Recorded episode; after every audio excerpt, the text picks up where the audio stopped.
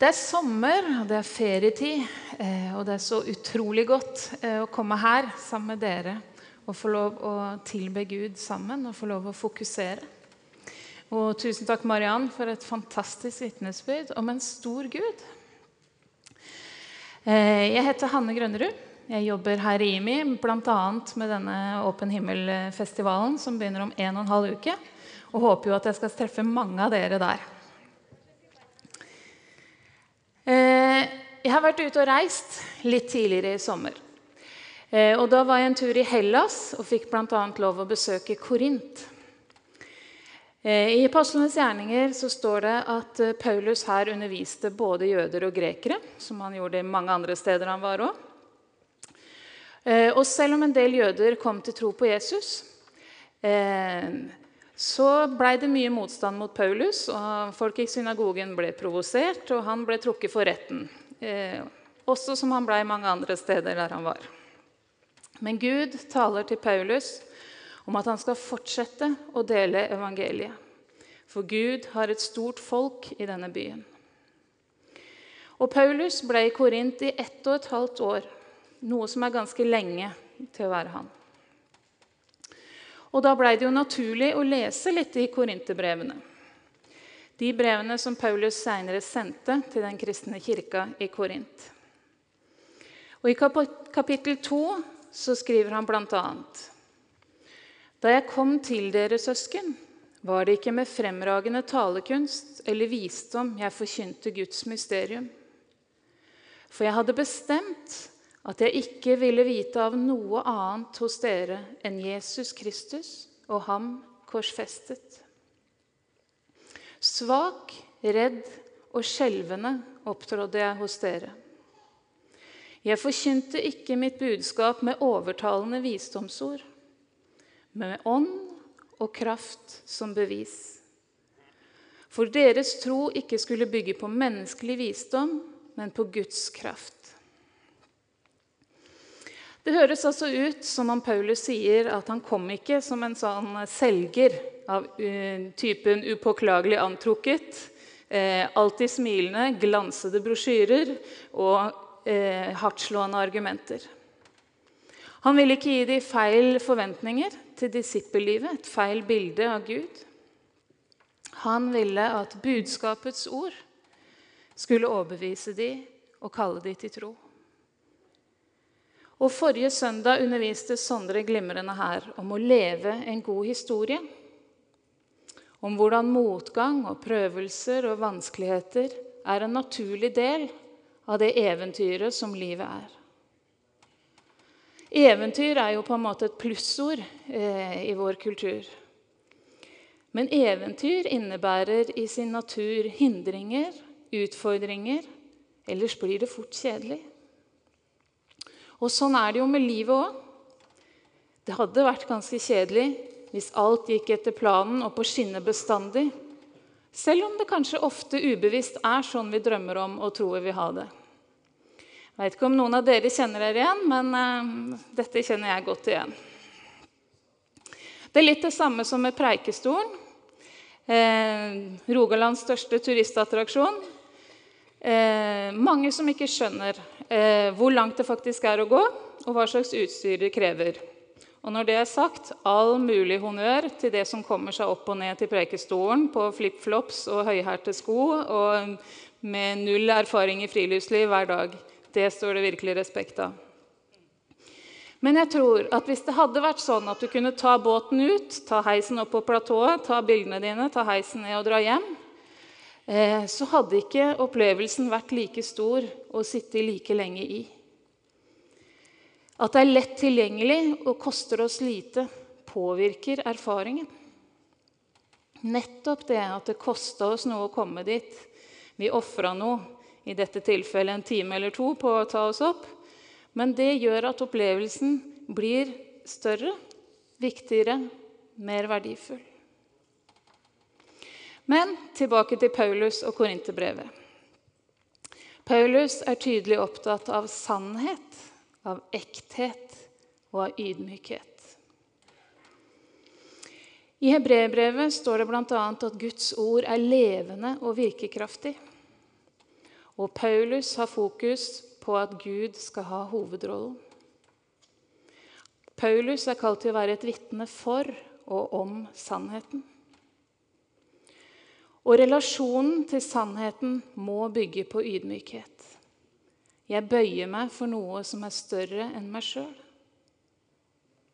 Jeg lærte noe av en jeg hadde i alfagruppa mi en gang. Han hadde gått gjennom de tolv trinnene hos anonyme alkoholikere. Der ett av trinnene er å daglig overgi sin vilje og sitt liv til Gud.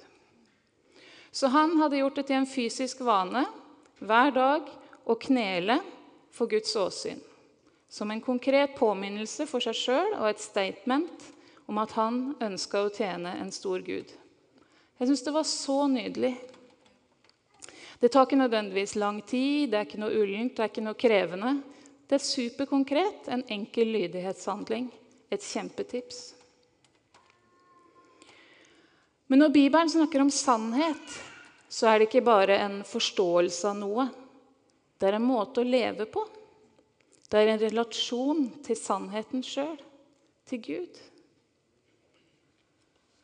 Sannhet er noe man gjør. Det sitter like mye i kroppen som i hodet. Det sitter like mye i hendene som i hjertet, og like mye i det offentlige livet som i det private. Vårt møte med sannheten, eller lyset, er noe mer enn en intellektuell tilslutning. Det er en konfrontasjon med livet vårt. Og hvis noe blir viktigere for meg enn sannheten, stiller det seg i veien for sannheten og for Gud. Ofte så kommer spørsmålet hva er meningen med livet? Og Jesus svarer at det er å elske Gud med hele oss og vår neste som oss sjøl. Blir vi lykkelige av det? Som noen sa, nei, det fins langt viktigere ting i livet enn lykke. Og i jakten på den flyktige lykken eh, er vi blant tilbøyelige til å la alt annet fare. For å prøve å oppnå noe litt sånn ullent og udefinert som har en tendens til å slippe ut av fingrene våre akkurat idet vi trodde vi hadde det. Eh, og ta fokus bort fra det som faktisk er viktig. For evangeliet appellerer ikke til vår selvopptatthet. Det kaller oss til omvendelse. Ikke fordi det gjør oss lykkelig, eller gir bedre helse eller feitere bankkonto, eller skaper et mer rettferdig samfunn, men fordi det er sant. Jeg har lest Magnus Malm i ferien, hans siste bok eh, 'Som om Gud ikke finnes'. Eh, og han skriver Overfor Gud, som heter 'Jeg er', faller hele vårt ønske om å utnytte både Gud og mennesker rundt oss og skaperverket til våre egne formål til jorden. Hensikten med å tilbe Gud er ikke å få en bedre jobb eller mer penger eller et lettere liv. Vi tilber Gud fordi han er den han er. Relasjonen til Gud er navet i hjulet. Det er kilden som vanner åkeren. Det er sola som varmer jorda. Det er oksygenet vi puster inn. Og når vi ber den første bønnen i Fader vår, så går vi gjennom denne frihetens port, sier Magnus Malm. La navnet ditt helliges, som betyr jeg skal ikke prøve å bruke det til noe. Jeg skal ikke prøve å endre på det eller tilpasse det til mine formål. Eller prøve å innlemme deg som en del av mitt livsprosjekt. Jeg lar Gud være den Gud er, uten å begrense eller forminske Gud i henhold til mitt forgodtbefinnende. Jeg lar Gud være Gud på alle områder av livet mitt, og ikke bare en brikke i puslespillet. Og det å gå gjennom den porten er å gå gjennom den samme porten i forhold til oss sjøl, til andre mennesker og til resten av skaperverket. Så lenge vi bare betrakter sannheten uten å underkaste oss så er vi på en måte litt immune mot den omvendelsen Vi befatter oss bare med synspunkter om Gud. Men hvis vi innser at den trygge tilskuerplassen fratar oss selve livet, så er vi kanskje klare til å gi avkall på den og begynne på en ny fortelling som ikke handler om oss sjøl. Vi må kapitulere for den levende Gud og vandre i ydmykhet og lydighet. Vi kan velge å leve som om Gud er virkelig, som om evangeliet er sant, og som om Jesus er den han sier han er. Eller som om alle de tinga ikke betyr noe. Gud er skaperverkets Gud, er hele historiens Gud, hele livets Gud. Å følge Gud kan umulig bli noe som blir en privatsak, som blir et lite hjørne av livet vårt. Da blir Gud fort en åndelig boble som sprekker i kontakt med for mye virkelighet. La meg gi dere to eksempler som i hvert fall jeg kjenner meg igjen i. Det var ei som reiste ut i frivillig arbeid i et muslimsk land. Hjelpearbeid. Eh, kristen jente kom hjem og forteller at eh, muslimen er jo minst like ærlig og oppriktig overbevist i sin tro som jeg er i min. Og kanskje enda mer hengivne i bønn. Jeg kan jo umulig tro at vår kristne tro er sannere enn de sin. For hun så blir det altså ikke troens innhold men den troendes hengivenhet eller overbevisning som blir det avgjørende sannhetskriteriet. En annen historie er en fengselsprest som blir rysta av den, de harde skjebnene han møter blant de innsatte. Og Han sier at den virkeligheten som jeg møter i fengselet, tilsier at vi i kirka vi kan ikke fortsette å snakke om Gud som vi alltid har gjort. Vi må innse at vi ikke har noen svar, men at vi kan hjelpe mennesker å stille de rette spørsmåla. Det var altså ikke noe saklig grunnlag som avslørte den kristne bekjennelsen som usann. Det som fikk troen hans til å kollapse, var møtet med en virkelighet som han aldri hadde tidligere relatert troa si til. En følelse av avmakt, av uvirkelighet, får han til å slippe taket i den kristne bekjennelsen uten egentlig å ha stilt rasjonelle spørsmål ved det. Eller kanskje noen ganger så føles bare den kristne troen passé, gammeldags, lite attraktivt, noe som hørte barndommen til, og som vi har vokst ifra. Så på skriv sklir vi kanskje ganske umerkelig eh, bort fra troen vår uten å faktisk sette oss ned og tenke igjennom hvordan Bibelen og samfunnet og postmodernismen forholder seg til hverandre, og hva som best holder mål. At andre verdensbilder er nye og spennende, er ikke seg sjøl et sannhetskriterium. Det blir en slags eh, kapitulasjon uten intellektuell motstand. I vårt samfunn blir troa ofte redusert til et spørsmål om smak løsrevet fra kravet om å være allmenngyldig for alle mennesker til alle tider. Frykten er stor for å ekskludere noen eller krenke noen, eller for ikke å bli akseptert eller havne i bås med noen vi ikke liker. Det blir nesten sånn at kristen misjon blir en fornærmelse, siden det er et brudd på individualiseringen å hevde at vi har sannheten.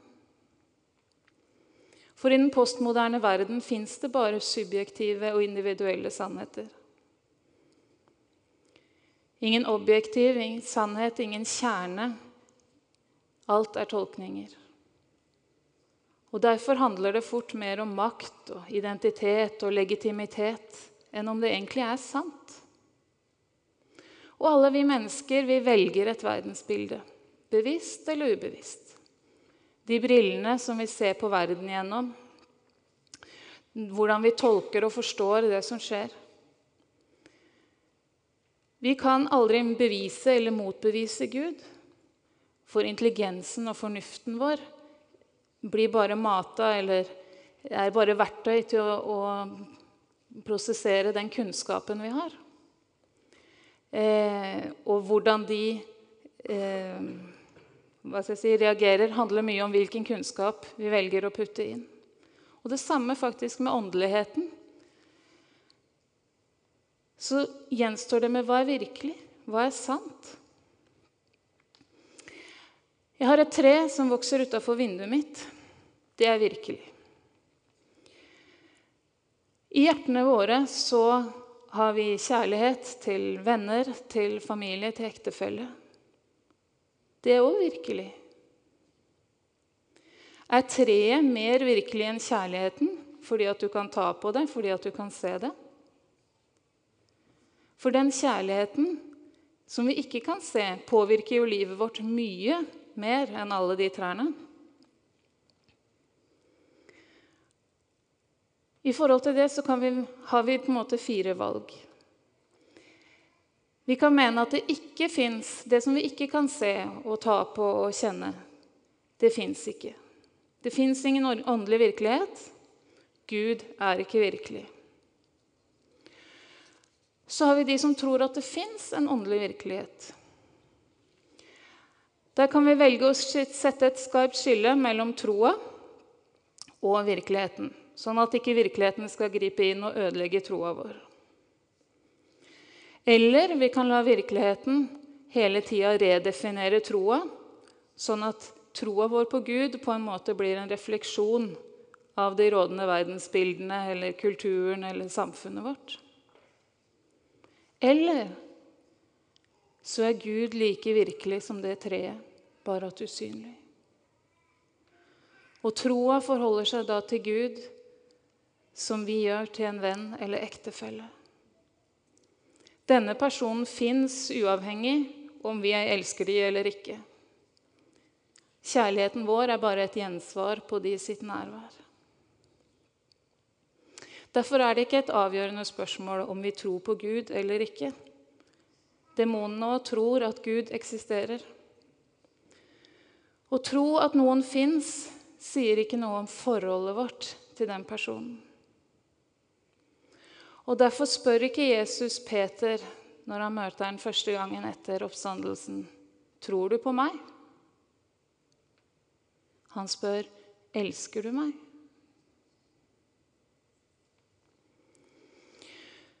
Og jeg tror at Noe av det som skaper ensomhet og uro hos oss, er mangelen på det faste punktet å navigere ut fra. Den kjernen, den sannheten med stor S.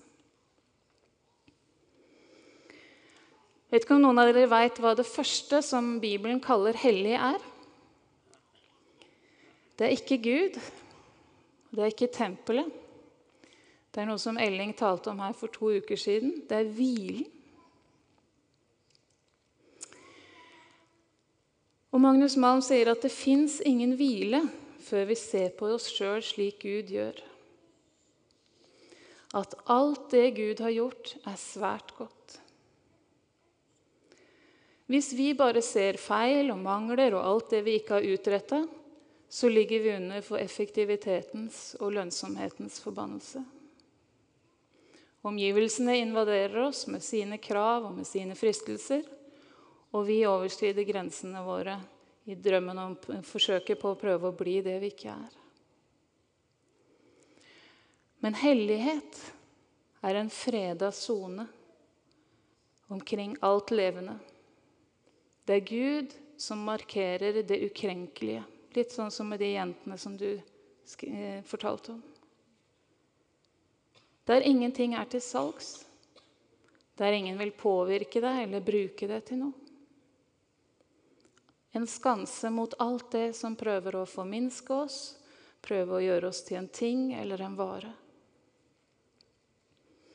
Et rom der alle spørsmål om profitt og lønnsomhet og effektivitet og nytte stilner innenfor Gud.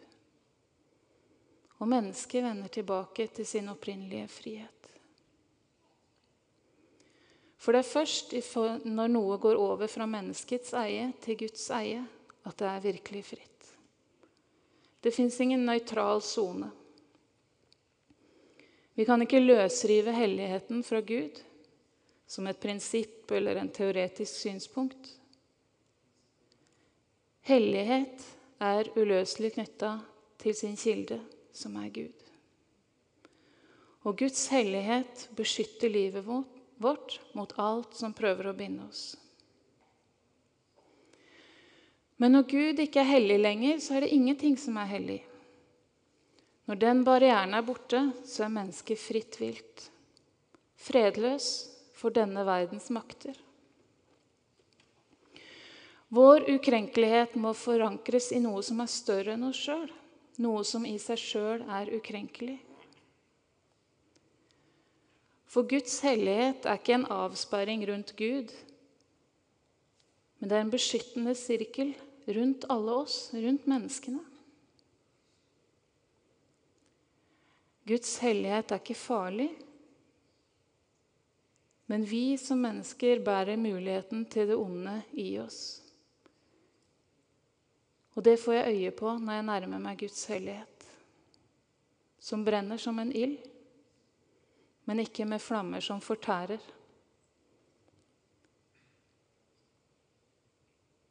Den bare fortærer det som hindrer meg i å være mitt sanne jeg. Paulus snakker mye om visdom i Korinterbrevet. Bl.a. at verden ikke brukte visdommen til å kjenne Gud. Og videre at det som i verdens øyne står lavt, det som blir foraktet, som ikke er noe. Det utvalgte Gud for å gjøre til intet det som er noe, for at ingen mennesker skal ha noe å være stolt av overfor Gud. Dere er Hans verk i Kristus Jesus, Han som er blitt vår visdom fra Gud, vår rettferdighet, vår helliggjørelse og forløsning, for at den som er stolt, skal være stolt av Herren.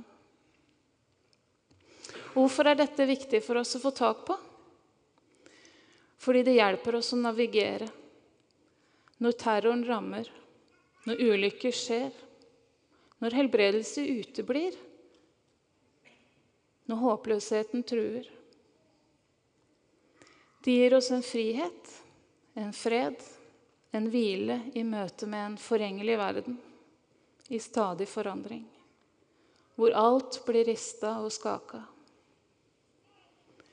Vi trenger å vende hjem og legge oss inn under sannheten med stor S igjen. Og Derfor vil jeg invitere og utfordre oss alle til å avslutte med å gjøre som han kameraten min på alfagruppa. Å bøye kne for Gud. Å bøye kne for å sette perspektivet rett innenfor Han som er kongenes konge og herrenes herre, og den levende jeg er.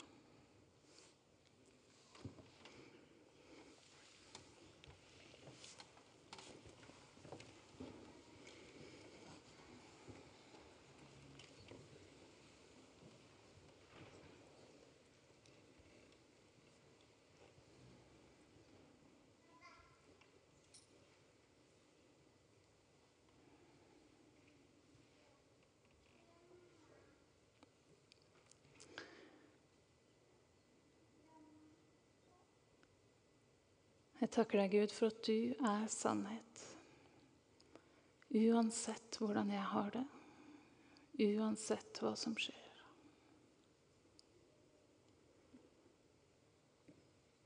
Takk for at du er så utrolig mye større enn vi kan fatte og forstå.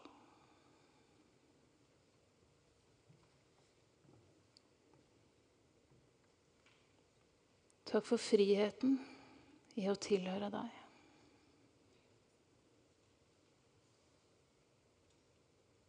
For at du ser oss, at du tar imot oss. For at vi skal få lov å feire og glede oss over alt det du har gjort, og den du er.